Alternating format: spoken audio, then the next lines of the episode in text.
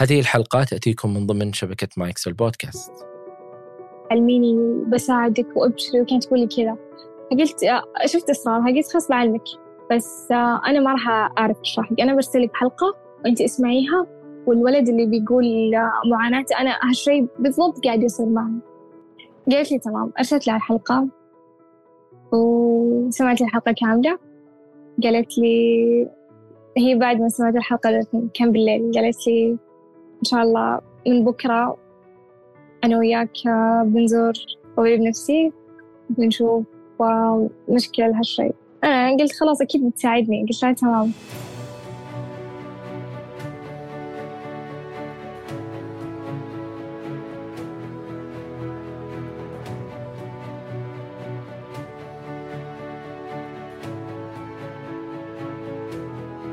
أهلا بكم يا أصدقاء. في هذه الحلقة شاركتني سهام تأثير الانفصال آه، على حياتها انفصال والدها ووالدتها بوقت مبكر. كيف أثر على حياتها اللاحقة إيش كان آه، سبب توقفها عن الدراسة لفترة آه، معينة؟ كيف اكتشفت الأمور اللي كانت تمر فيها بشكل أو بآخر؟ كيف كان الدعم اللي حولها؟ كيف كانت تتعامل مع هذا الموضوع؟ موضوع أيضا ايذاء الذات والأمور اللي كانت مرتبطة فيه. شاركتني سهام هذه التجربة من بداية الانفصال حتى وقت قريب. لا تنسوا يا أصدقاء تقييم البودكاست على آيتونز كذلك مشاركة الحلقات السابقة مع من تحبون عبر منصات التواصل المختلفة. أي شخص حاب يشارك تجربته معنا هنا على البودكاست أتمنى منك أنك تتواصل معي على العنوان البريدي وهو أسامة وجدان دوت كو. كل شيء ذكرناه في هذه الحلقة تجدونه في وصف هذه الحلقة. وشكرا لكم. أنا أسامة بن جيفان وهذا وجدان. إيش المشكلة اللي كنت تمرين فيها؟ آه بالبداية ما كنت أقول إنه اكتئاب بس آه اتضح لي بعدين إنه اكتئاب. كان أتوقع ستة أو سبعة شهور. متى بدأ معك الموضوع؟ آه، بسنة ألفين واثنين وعشرين. نهاية السنة أتوقع. وش اللي صار؟ آه كان جدا يوم عادي. أتوقع إنه كان عيد صحيت عادي. ما كان في شيء. بعدها كان بكاء بشكل مستمر. ما كنت أعرف السبب. كنت كل يوم أصحى وأصيح. بعدين أرجع طبيعي. بعدين صيف بعدين الموضوع زاد صار مو بس صياح صار يعني صار جسمي يوجعني صار عقلي يوجعني صار كل شيء يوجعني. كنت أتألم مرة كثير. هذه كانت البداية. كان هذا اليوم هو بالنسبة لك مختلف عن باقي الأيام من ناحية ال إيه إيه. البكاء؟ أنا أنا كانت أيامي جدا عادية. يعني ما كان في أي شيء جدا كانت أيام عادية. بس هذه السنة كانت المختلفة بالنسبة لي. كنت أصحى بشكل يومي بعدين أتألم. بس أنا مو عارفة ليش أنا جالسة أتألم. لين ما الألم صار يزيد والبكاء صار يزيد ووصل الموضوع آه للاستفهام حتى. قبل هذه اللحظة قبل هذا اليوم إيش إيش كان يصير بحياتك؟ آه، تحسين إنه وصلتي لهذا اليوم؟ أعتقد كانت آه، إذا بقول أنا ليش اكتئبت راح أقول آه، طفولتي هي السبب أتوقع راح أقول كذا أنا ووالدتي ووالدي منفصلين عن بعض وأنا أعيش في جدتي الألم أعتقد الألم إذا بقول بشكل صريح متى بدأ الألم أعتقد الألم بدأ بعد وفاة والدتي. لما أتوقع كان بسنة 2018 أو 17 والدتي توفت. وكان كانت صدمة. وما تعاملت مع الموضوع أنا يعني. تركت كل شيء للوقت ما تعاملت مع أي شيء. ولا قدرت حتى إني أبكي على الموضوع. فثاني يوم من وفاة والدتي جتني آه، نوبة هلع. أنا ما كنت أدري إنها نوبة هلع أصلا. حسيت إن كنا أنا وخواتي جالسين بعدين أنا قمت فجأة أقول لأختي إن أحس إني بموت. أحس إني خلاص يعني كنت حاسة فعلا إني بموت. كنت أقول لا أحس إني بموت. ومنهارة كذا وجسمي يرجف. ونبضات قلبي كانت مرة سريعة وكنت أقول لا إنه خلاص أنا بموت وأختي كانت تحاول تهديني. الموضوع بدأ من نوبات الهلع كنت مرة منهارة مو عارفة إن هذه نوبات هلع جتني أول يوم. كان يوم ثقيل كان صباح الساعة سبعة الصباح أتوقع كان وكنت بقول إني بموت خلاص وأختي كانت تحاول تهديني وأنا منهارة أصيح بعدين حاولت أهدي نفسي أختي حاولت تهديني.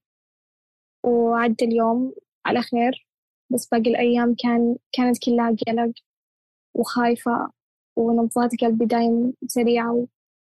أقول لأهلي إن أنا مرة متوترة. شوفوا نبضات قلبي مرة سريعة. آه، أحس إني راح أموت. كان هذا كلامي. كان عمري وقتها 15 سنة أتوقع. ما كنت عارفة إن هذه نوبات هلا هذا كان بداية الموضوع. قبل الاكتئاب يعني. آه، أنت ذكرتي انفصال والدك ووالدتك. متى كان هذا؟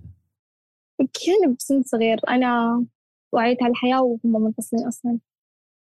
آه، بمعنى ما تتذكرين وجود أمك وأبوك في نفس المكان؟ إي ما أذكر. آه ومن متى بهذاك الوقت يعني من من من من, من وقت ولادتك حتى يعني وفاة والدتك رحمة الله عليها كنتي مع مين أنت تعيشين؟ آه، أعيش في بيت جدتي مع خالاتي وأمي وجدي خالي آه، أبوك كان موجود في الصورة؟ لا ما كان موجود في فترات طفولتي بداية طفولتي كان يعني هو يجينا مرات يعني بس مو كثير مرة قليل وزياراته جدا قليلة. كان يتصل بس مو كثير أبدا جدا جدا قليلة. أنا ما أذكر إن يعني أنا كبرت وهو كان موجود كثير في حياتي. بداية طفولتي كان زي ما قلت لك كان يسأل شوي وكان يجي شوي. بعدين وقف يتواصل وقف يجي كثير. فهو طبع أصلا إنه ما يجي كثير هو بس يتصل. أنا كمان عشت أتوقع سنتين مع أبوي هو بمدينة ثانية. عشت مع أنا وأخوي عشنا معاه تقريبا سنتين مع أبوي وزوجته. كانت أعتقد إنها كانت أيام مؤلمة شوي لأن أنا أصلا مو متعودة على أبوي مو متعودة على الجو وهم تربية مختلفة. أنا متربية تربية مختلفة تماما مع أمي وهناك تربية مختلفة. بس أعتقد إن هذا شيء ما أثر بحياتي أو بطفولتي. كانت مؤلمة بس عدت الحمد لله. يعني وجود ال ال هذا الانفصال المبكر في حياتك كيف تعتقدين أنه أثر عليك؟ جدا أثر بشكل سلبي. أنا دايم كنت أذكر يعني من لما وعيت ودخلت بسن المراهقة كنت دايم أقول إن أنا مستحيل أنجح إذا أمي وأبوي مو بحياتي. كنت دايم أكرر إن كل البنات الناجحات بحياتهم أبهاتهم موجودين أمهاتهم موجودين يساندونهم يدعمونهم. أنا ما راح أنجح بحياتي لأن أمي موجودة بحياتي أمي خلاص متوفية. وأبوي نفس الشيء بس أتوقع أن نقطة أبوي مو موجود هذه أكثر نقطة أثرت بحياتي أكثر نقطة خلتني أنهار نفسيا حتى كنت دايم أقول لشاهد إن أحس إني ما راح أنجح بحياتي عشان أبوي مو موجود. كنت دايم أقول لا كذا أنا كنت دايم أحس إن الانفصال هذا مؤثر بحياتي. كنت دايم أقول لا كذا. يعني آه، خلال هالفترة كيف كانت حياتك يعني من ناحية علاقاتك مع الأشخاص في يعني لما تروحي المدرسة القريبين منك؟ أنا جدا إنسانة خجولة سابقا مستحيل أبادر أصاحب. جدا جدا خجولة. أعتقد إني كنت أعاني من رهاب جدا جدا كنت خجولة. وما أصاحب كثير وإذا صاحبت أتوقع يكون اثنتين بالكثير. وجدا كنت مغلقة على نفسي. وجدا كنت خجولة. ما كان عندي علاقات أصلا. كانوا ثنتين أتوقع. بمرحلة دراستي كانوا ثنتين أي. أي وكنت لك إن أنا أصلا تركت دراستي بعد وفاة أمي I think بستة شهور. فما راح نقول علاقاتي لأن كانت كانت علاقاتي زي ما قلت هم سنتين. بعدين بعد ما توفت أمي تركت الدراسة وما كنت حول أحد أصلا. يعني متى تتذكر أنك استوعبتي أنه لابد وجود أم وأب في العلاقة هذه؟ بس هذول ما هم موجودين. إيه لما بدأ الاكتئاب عندي أنا ترى أول كنت متأثرة شوي. بس ما أعطي الموضوع أهمية. بس لما بدأ الاكتئاب عندي بسنة واحد وعشرين سنة اثنين وعشرين كنت جدا أقول إنه مستحيل مستحيل. هذه فكرة مو ضابطة إن أنا أنجح بدون أم. وأب كنت جدا رافضة هالفكرة.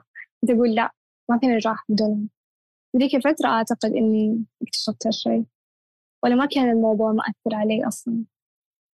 ولو بقول لك متى بدت الأشياء السيئة بحياتي بقول لك لما صار عمري 15 سنة بعد ما توفت والدتي وجتني نوبات الهلع وكنت عايشة بقلق بحياتي وكنت تاركة الدراسة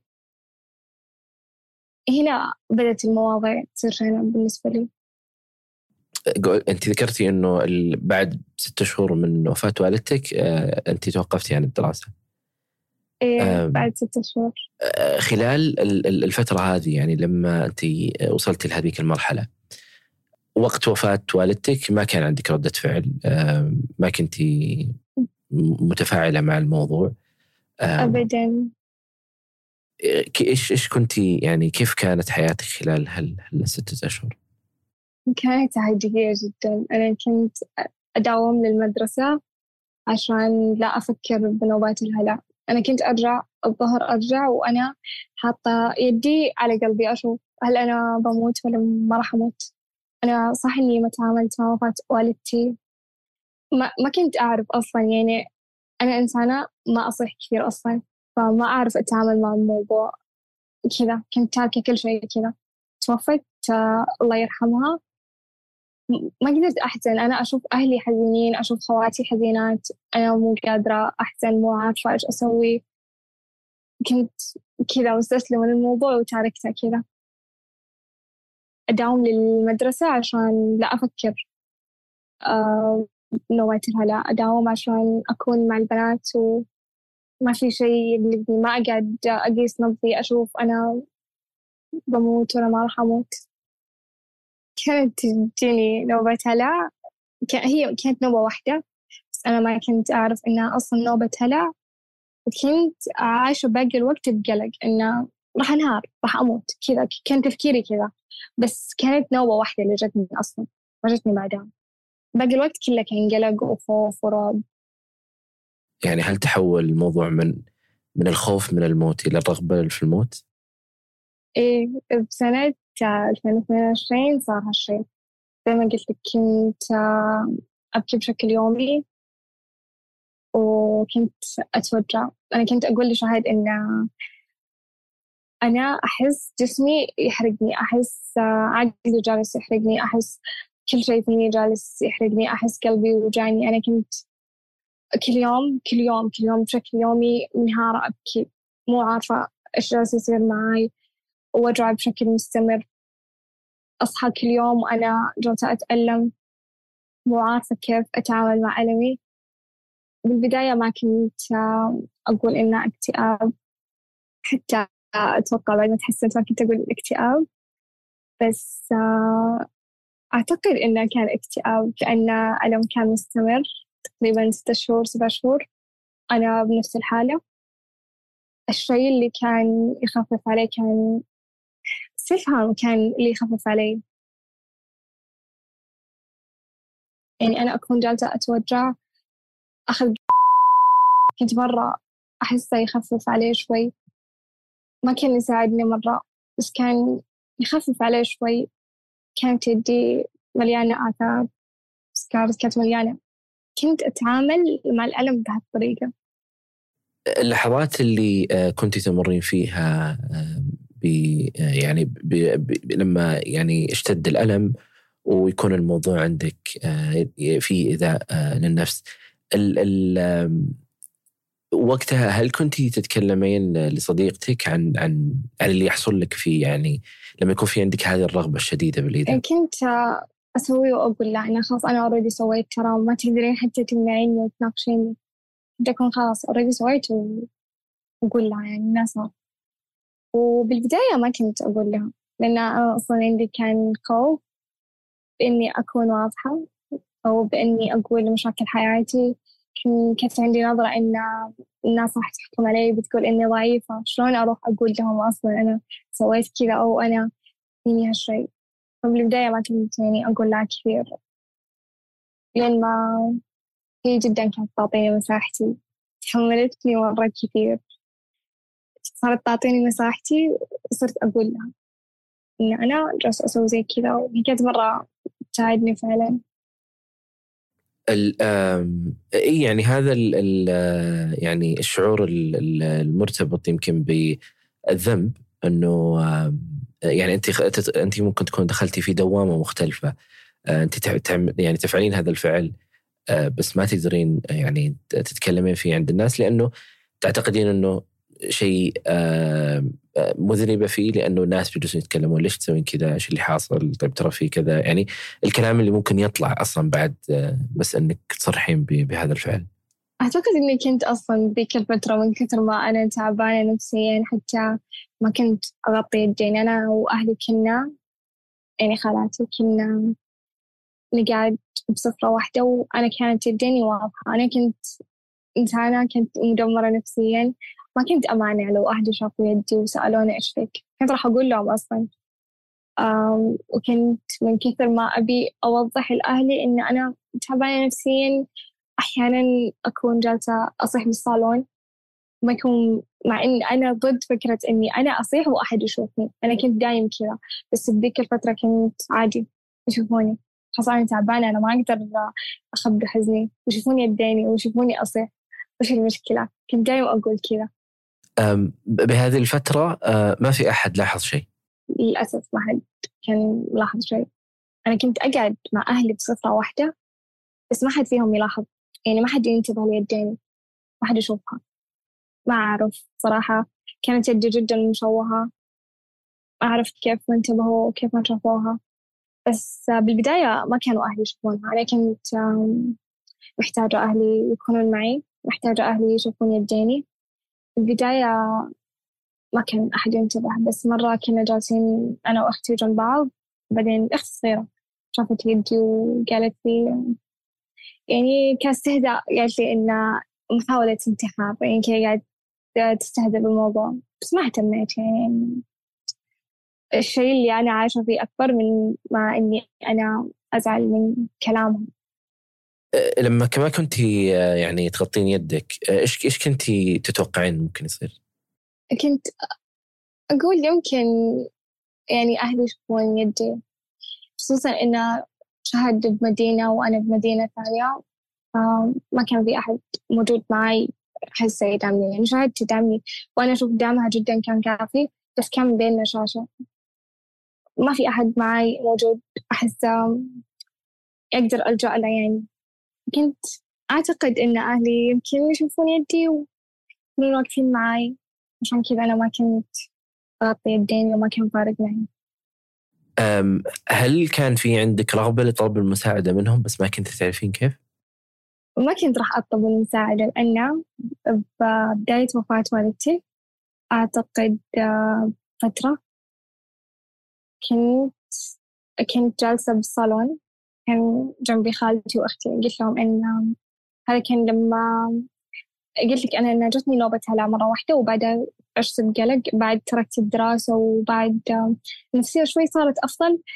بس كنت عايشة بقلق. أنا كنت أحس إنه كذا أحس إني بموت بأي وقت. أنا ما كنت عارفة أصلا إن هالشيء نوبة هلع كانت.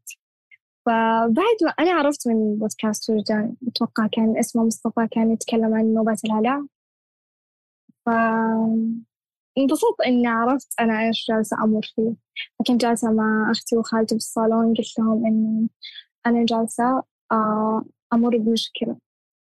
إذا ما راح تساعدوني فيها أنا ما راح أذكرها لكم. بعدين الثنتين قالوا أكيد بنساعدك علمينا وعادي. أنا كنت جالسة أصلا أختبر أشوف هل هم فعلا بيساعدوني؟ وأنا كنت بقول عادي ما كان فارق معي. بس شفت إن أختي ردة فعلها ما كانت مرة يعني ما كانت تبي تعرف مرة عكس خالتي كانت تقول علميني علميني. حتى بعد ما أختي خلاص راحت من عندنا وكانت تقول لي علميني بساعدك وأبشري وكانت تقول لي كذا. فقلت شفت إصرارها قلت خلاص بعلمك. بس أنا ما راح أعرف أشرح لك أنا برسل لك حلقة وأنت اسمعيها والولد اللي بيقول معاناته أنا هالشيء بالضبط قاعد يصير معي. قالت لي تمام أرسلت لها الحلقة. وسمعت الحلقة كاملة. قالت لي هي بعد ما سمعت الحلقة كان بالليل قالت لي إن شاء الله من بكرة أنا وياك بنزور طبيب نفسي بنشوف مشكلة لهالشيء أنا قلت خلاص أكيد بتساعدني. قلت لها تمام. وقلت أخيرا إني تكلمت عن مشكلة بحياتي تعلمت شيء علمت أحد عن مشكلة بحياتي وفعلا بيساعدني. أنا كنت مؤمنة خلاص إن خالتي بتساعدني خلاص. بس مر وقت و I think إن الله يصلحها. نسيت الموضوع.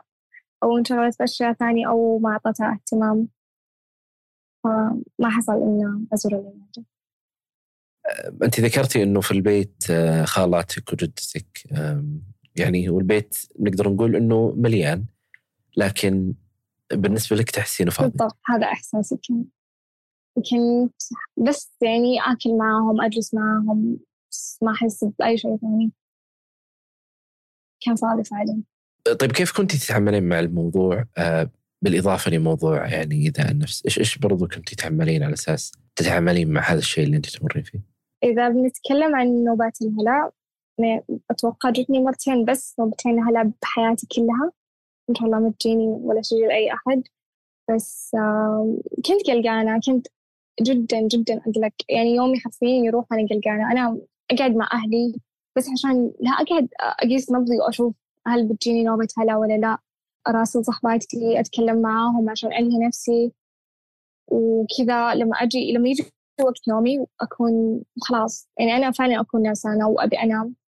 ما أقدر أنام. كل شوي أفز. كل شوي أفز أقوم أشوف نبضي كل شوي أحس إني بموت بيصير لي أي شيء. كنت ذيك الفترة اللي كان يهون عليك كان إني أشغل صوت المطر وأنام على صوت المطر. كان مرة كان جدا جدا جدا كان يساعدني الوحيد اللي كان يخفف علي. وبس أصحى يصير ما أبغى أنام ما أبغى أحد يجيب لي طار النوم لأن مستحيل أنام بسهولة قلقانة كل شوي أفز. مو عارفة أنام زي الناس. كل شوي أقيس نبضات قلبي كل شوي أشوف بموت ولا ما راح أموت. بس أعتقد بعد ما جاء الاكتئاب هالشيء ما أعرف بطريقة ما أختفى وما عاد جتني أي نوبة هلع وكيف إني كنت أخفف على نفسي بمرحلة الاكتئاب؟ كنت زي ما ذكرت إني كنت أصيح بشكل يومي. كنت أكلم شهد كنت أفضل لها وأكتب لها مقالات كنت أقول لها إنه كذا جالس يصير معي كذا جالسة أمر فيه. هي ما كانت تقصر كانت تكتب لي فعلا وكانت تواسيني.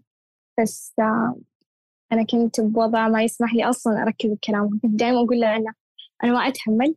أنا خلاص أبغى أموت. أنا مو قادرة أتحمل الضغط النفسي اللي جالسة أحس فيه. أنا عقلي كذا جالس ينحرق. كنت أحس جسمي وعقلي كذا جالسين ينحرقون. كنت أحس في صفورة على صدري ما كنت أتحمل الضيقة. كان كانت حياتي عبارة عن بشكل يومي كنت أصيح وأفضفض الشهد وأجرح يدين زي هذا كان كان روتيني. هذا الشيء اللي كنت أسويه كنت أتكلم بشكل مستمر إني حابة أنهي حياتي وإن هي كانت توريني إن هذه من الطريق الصح. كنت أقول لها ورتني أفكار انتحار أو طرق أقتل فيها نفسي. كنت بعد كانت تهاوشني كنت أدخل جوجل أشوف طرق للانتحار أنا كنت أصلا صح إني كنت مكتئبة وتعبانة بس كنت أفكر إن شلون أصلا يحطون أشياء زي كذا بالنت. إن حرام. إذا أحد صدق حاول بهالطريقة أو جرب هالشيء وأنهى حياته. بس أتوقع هذه كانت الطرق اللي كنت أسويها. كنت أقول لا أبي أموت. هي كانت تواسيني كنت أنا زي ما ذكرت لك أنا ما كنت أصيح أبدا. يعني أنا إنسانة ما أصيح كثير بحياتي بس بذيك الأيام كنت أنهار. كان كنت أصيح ويدي ترجف وجسمي كله يرجف. ما كنت أعرف كذا يعني شلون أخفف على نفسي وكيف أسكت. أصيح أصيح لين ما أحس إني مو قادرة. بعدين أرجع أهدى هذه كانت الطرق أتوقع اللي كانت تخفف علي. الفترة اللي يعني ما ما كنت تدرسين فيها الآن يمكن صار الموضوع أكثر فراغ بالنسبة لك من من, من وقت سابق. فكيف كنت تقضين يومك؟ ما كنت أسوي شيء كنت حرفيا يعني أنا كنت تاركة دراسة الفترة اللي تركت فيها الدراسة كانت خمس سنين. بالخمس سنين هذه حصلت أشياء مرة كثير زي ما ذكرت لك. أمي توفت تركت الدراسة أنا وبيت هلا وكنت عاطلة. ما في ما في أي شيء كنت أسويه بحياتي. حرفيا كنت أعيش يومي أكون مع أهلي وأشوف يوتيوب. حرفيا كان ما كنت أتعلم حتى لغة. كان هذا يومي كان جدا كذا يعدي بدون ولا شيء بدون ولا فايدة. آه، انت لما يعني كان آه، لما توقفتي عن الدراسه كان عمرك 15 إيه آه، هل رجعتي للدراسة؟ إيه الحمد لله رجعت الحين ال ال خلال ال ال يعني يعني نقدر نقول إنه الخمس سنوات هذه يعني تعتبر فصل مختلف ويعني وفاة والدتك فصل مختلف وانفصال والدك ووالدتك هذا فصل أيضا مختلف. فخلال الفترات هذه كلها لما تجلسين مع نفسك إيش أكثر الأفكار اللي تحسين إنها جالسة يعني تاكل كاكل غير موضوع مثلا إيذاء النفس أو رغبات الموت أو القلق إيش كنت تتأملين خلال هالفترة من حياتك؟ لو بنقول قبل الاكتئاب آه كنت بقول لك ولا شيء. يعني كنت إنسانة جدا تافهة مع احترامي لنفسي ما كان عندي أي هدف في الحياة. أتوقع حتى لو إني ما تركت دراستي ذيك الفترة يعني أتوقع ما كنت راح أدرس ولا أهتم بدراستي أصلا. كنت بكون جدا ضايعة.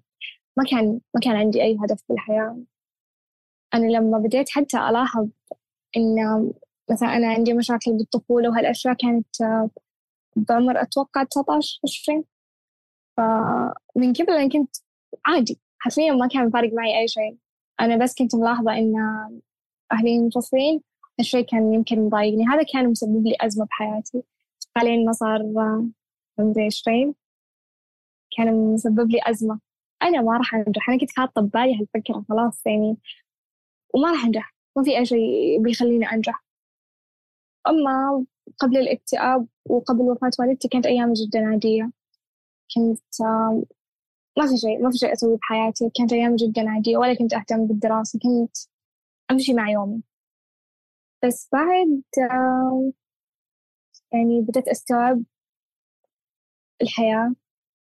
أول ما كان أنا ما كان عندي شغف في الحياة ما كان عندي حلم أو تخصص معين أنا كنت حابة أدخله. أنا كنت ما أعرف حتى إيش أبغى بالحياة. بس قبل لا أكتب اكتشفت إني أنا حابة أصير طبيبة.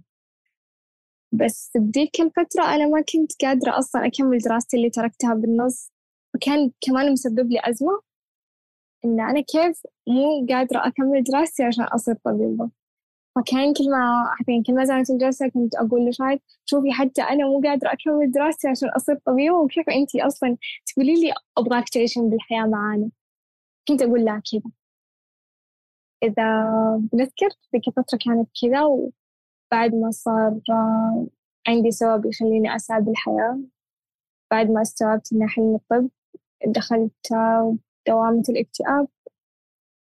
وكانت مليون فكرة مليون شيء يخليني أنهار وأصيح وأذي نفسي. كنت أقول إن ما راح أطلع من دي المرحلة. كانت جدا أيام ثقيلة على قلبي. أنا كنت أقول لشهد إن أنا كنت مؤمنة خلاص. أنا كنت مؤمنة إني أنا راح أقتل نفسي. أنا هذه الحياة مو لي. أنا عندي خيارين. يا إني أحارب الحياة والاكتئاب يا إني خلاص أستسلم وأموت. أنا ما كنت حتى أصلا قادرة أحارب. أنا ذيك الفترة حتى ما كنت أقدر أزور طبيب نفسي يساعدني. أنا كانت عندي جلسات أونلاين بس كانت كلها ما كنت مكملة فيها وما كان الكلام يساعد وأنا أصلا ما كنت أتقبل أي كلام يجيني ذيك الفترة. كانوا يقولون كلام أذكر كان كانت عندي جلسة والأخصائية كانت تقول لي الأخصائية كانت تقول لي إن حاولي تسوين رياضة وتقرين كتاب. وأنا كنت أصلا منهار أنا ما أعرف وين كتبي ما أعرف حتى أنا زين إني عايشة اليوم كيف تبغيني أقوم وأسوي رياضة؟ كنت مرة رافضة وقلت إنه مستحيل. كلهم كذا يفكرون كنت أقول لشاهد إنه ما أبغى. شوفي كيف الكلام اللي هم يقولونه. كان جزء فيني رافض فكرة إني أرجع أخذ جلسة أونلاين وجزء كان حاب بس بشكل عام الظروف أصلا ما كانت تسمح بذيك الفترة. بس هذا الكلام اللي كان ينقال لي لما أنا جربت يعني آخذ جلسات. فكنت أقول لها آه خلاص أنا بموت يعني. وزي ما قلت لك كنت أقول لها عن طرق الانتحار أو الطرق اللي في بالي. كانت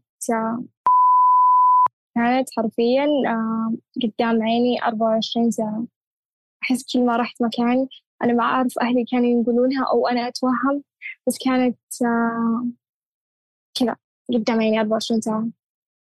كنت أقول لما جيت آه، أوري شهد طرق الانتحار أو الطرق اللي أنا عندي عشان أحاول أنهي فيها حياتي كنت أقول لها إنه و أعتقد إني قلت لها إنه كمان خيار مو وارد.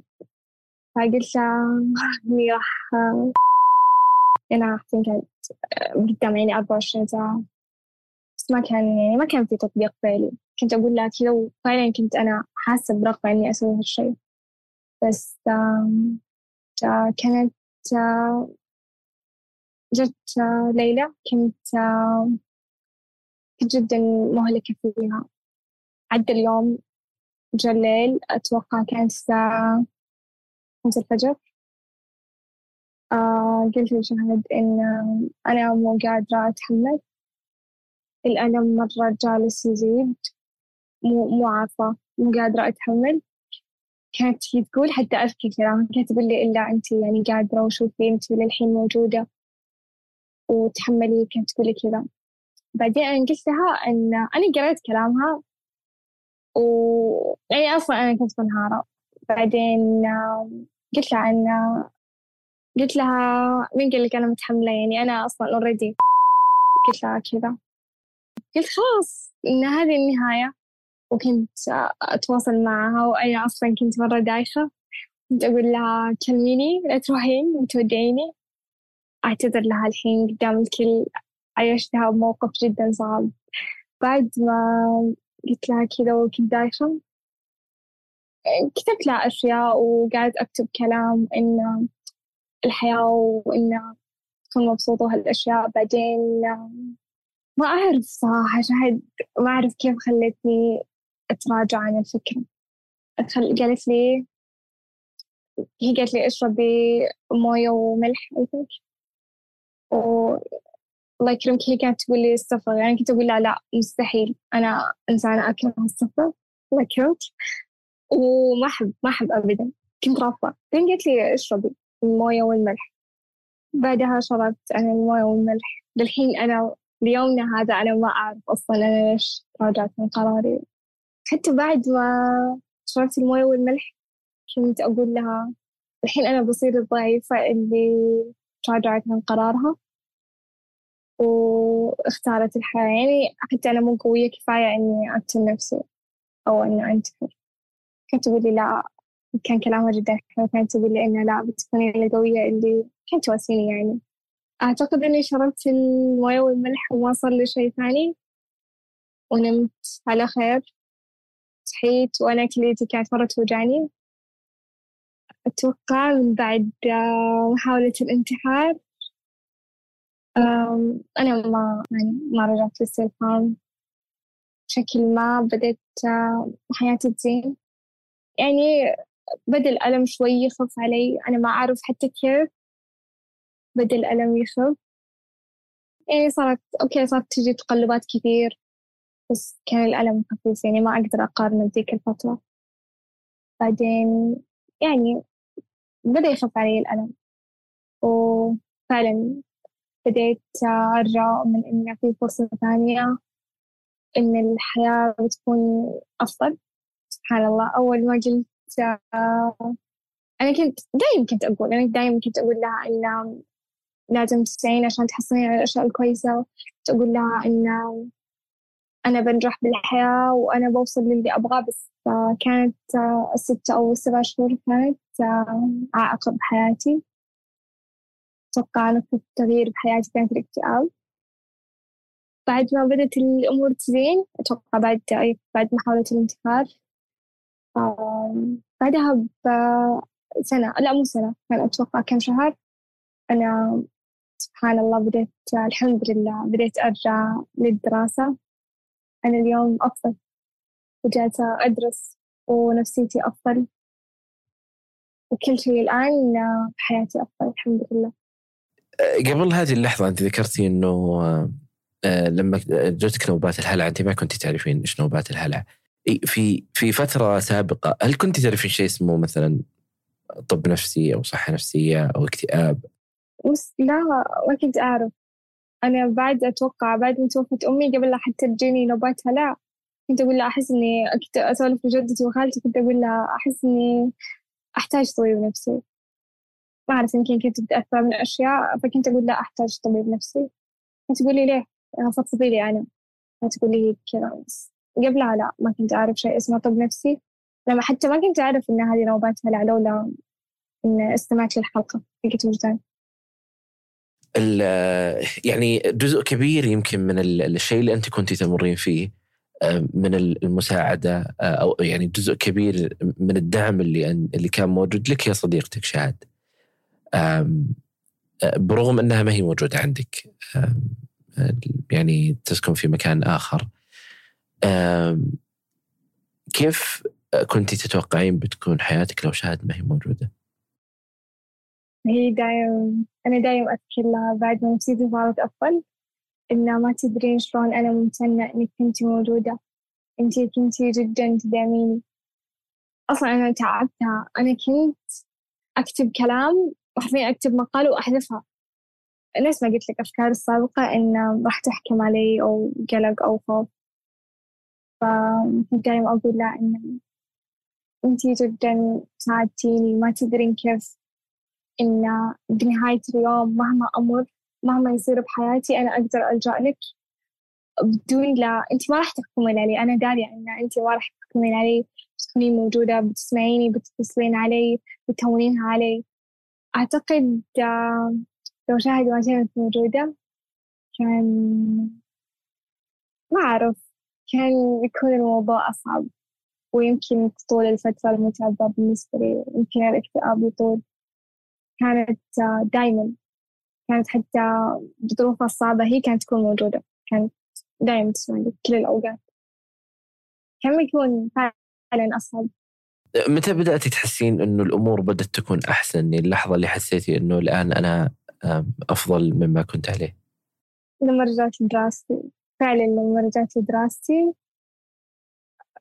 كذا صرت مؤمنة إن الحين وقت الأشياء الجيدة بحياتك سهام الآن وقت إنك تسعين صح تعلمت كثير والحين ربي جالس يعطيك شوفي أنت مستحيل أنا ما كنت عارفة أصلا إني برجع أدرس. فجأة صار الموضوع وإيه هذه اللحظة. لما صار موضوع الدراسة لما رجعت أدرس أيقنت إن خلاص انتهى زمن الألم انتهى زمن التعب. الآن ربي جالس يعوضني.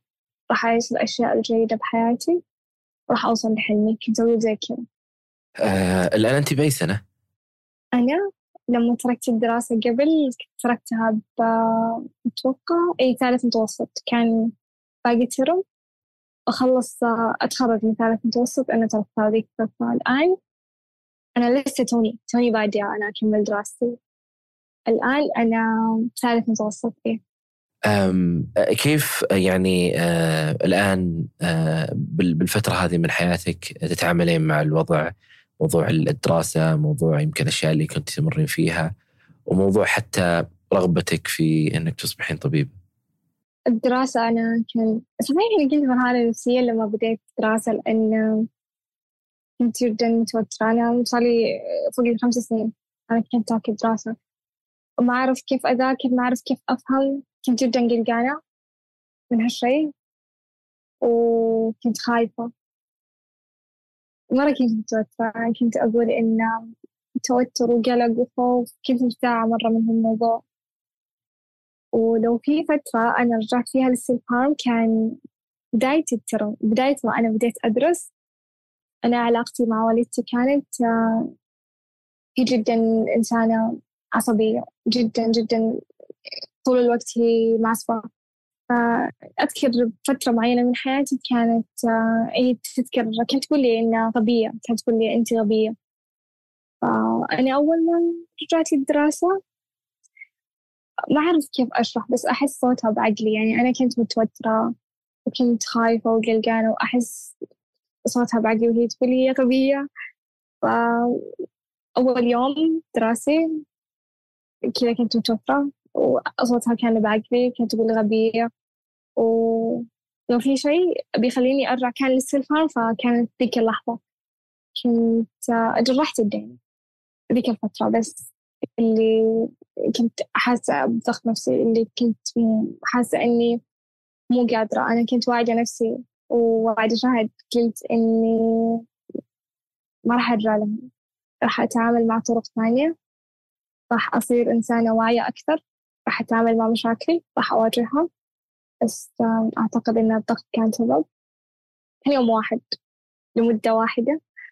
وما رجعت بعدها. للآن للآن أنا الحمد لله مغتسل ما رجعت. بالنسبة للأشخاص اللي يسمعونا الآن و وعندهم نظرة مختلفة تجاه الأشخاص اللي يمرون بإيذاء النفس أو إيذاء الذات. وله ما يعني ما هو قادر يستوعب يمكن إيش الأسباب اللي يعني تؤدي لهذا الشيء. وبالمقابل هو ما يدري كيف يساعد. ف إيش تحسين أفضل شيء بالنسبة لك؟ يعني ممكن ينقال لشخص آخر إنه إذا أنت تعرف شخص يمر بهذه التجربة اعمل هذا الشيء بس لا تعمل هذاك الشيء. أنا كنت بتكلم أول شيء عن نفسي كنت أعتقد كان عندي تقبل إذا أحد قال لي لا تسوين هالشيء إن ما كم كنت أسمع كم كلمة من أهلي. إن كيف تسوين كذا وما تبي يسوون كذا ومحاولة انتقاد كل هالأشياء اللي ذكرتها آه أنا عندي تقبل إن أنا كنت أقول لشهد إني أنا كنت أسوي كذا فلو هي قالت لي في كل فترة لو قالت لي لا تسوين آه كنت بعطر كلامها وبسوي بس آه لو أنا الآن بمرحلتي الآن قالت لي لا تسوين كذا. كنت بتعامل يعني أنا عارفة إن هي بتتعامل معي وبتساعدني.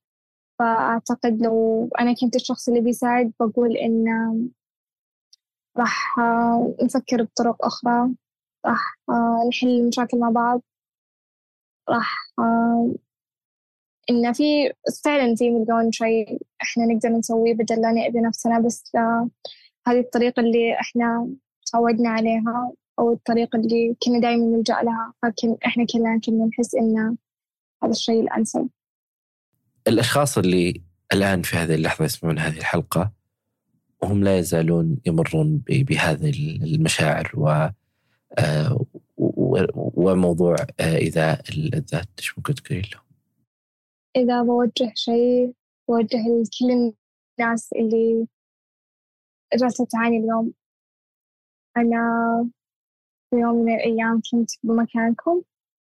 أنا قضيت تقريبا نص حياتي زعلانة على أهلي المنفصلين زعلانة على بعد أبوي عني زعلانة على إني فجأة يعني الحياة جابت لي الاكتئاب واكتئبت وأنا حرفيا قضيت نص حياتي وأنا متألمة وبقول لهم إن أنا ما كنت أتحمل أي أحد يقول لي اصبروا تحملوا كافحوا اسعوا.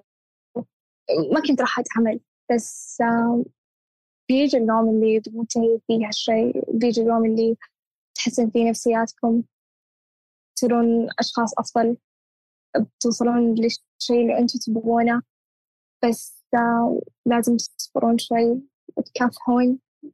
ويمكن ما راح يتقبلون مني هالكلام لأن أنا بيوم من الأيام كان قال لي هالكلام وكنت أرفضه.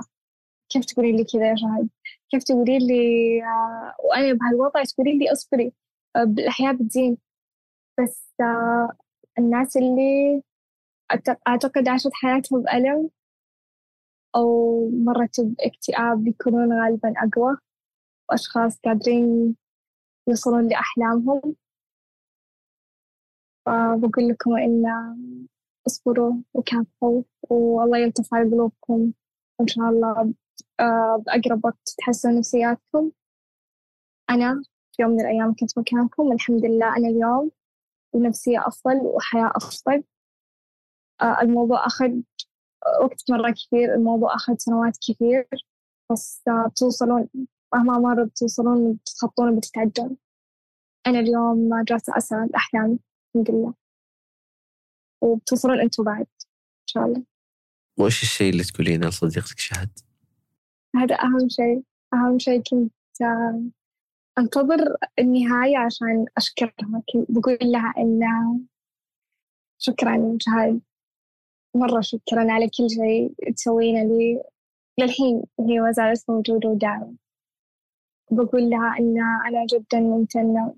أنا ما كنت أصلا أتوقع إني بخلي أحد يكون قريب مني لهالدرجة. مرة شكرا. وجدا سعيدة وجدا محبوبة عنك بحياتي. وإن شاء الله تجي الأيام اللي أسعدك فيها. وإن مهما صار بحياتي مستحيل أنسى. وقفتك معي مستحيل أنسى كيف دعمتيني وشجعتيني بأوقات كثير صعبة. الأوقات اللي ما حد كان موجود فيها بس أنتي كنتي موجودة فيها. لا تقولين قصرت أبدا ما قصرتي. ومرة أحبك. وشكرا مرة على كل شيء. لولا شهد أنا كنت بكون ما كان في أحد راح يسمع لي كنت بكون حتى لو كنت حابة أفضفض ما حد راح يلجأ لي أقصد إن ما حد ما في أحد ألجأ له فأنا بحط حسابي. أي أحد يبي يفضفض أي أحد يبي يقول أي شيء أنا بساعدكم بالطرق الممكنة. أي أي شيء أقدر أسويه أساعدكم فيه أنا موجودة لكم. الله يعطيك العافية سهام الله يعافيك. شكرا لك ولوقتك. العفو آه في شيء حابة تقولينه قبل ما أخلص؟ لا. شكرا أستاذ سامي الله يعافيك شكرا لك. العفو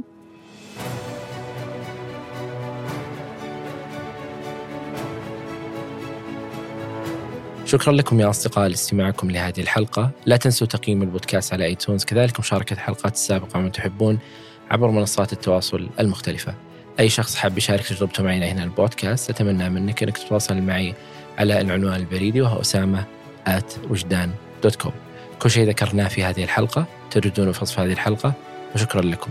أنا أسامة بن جيفان وكنتم مع وجدان.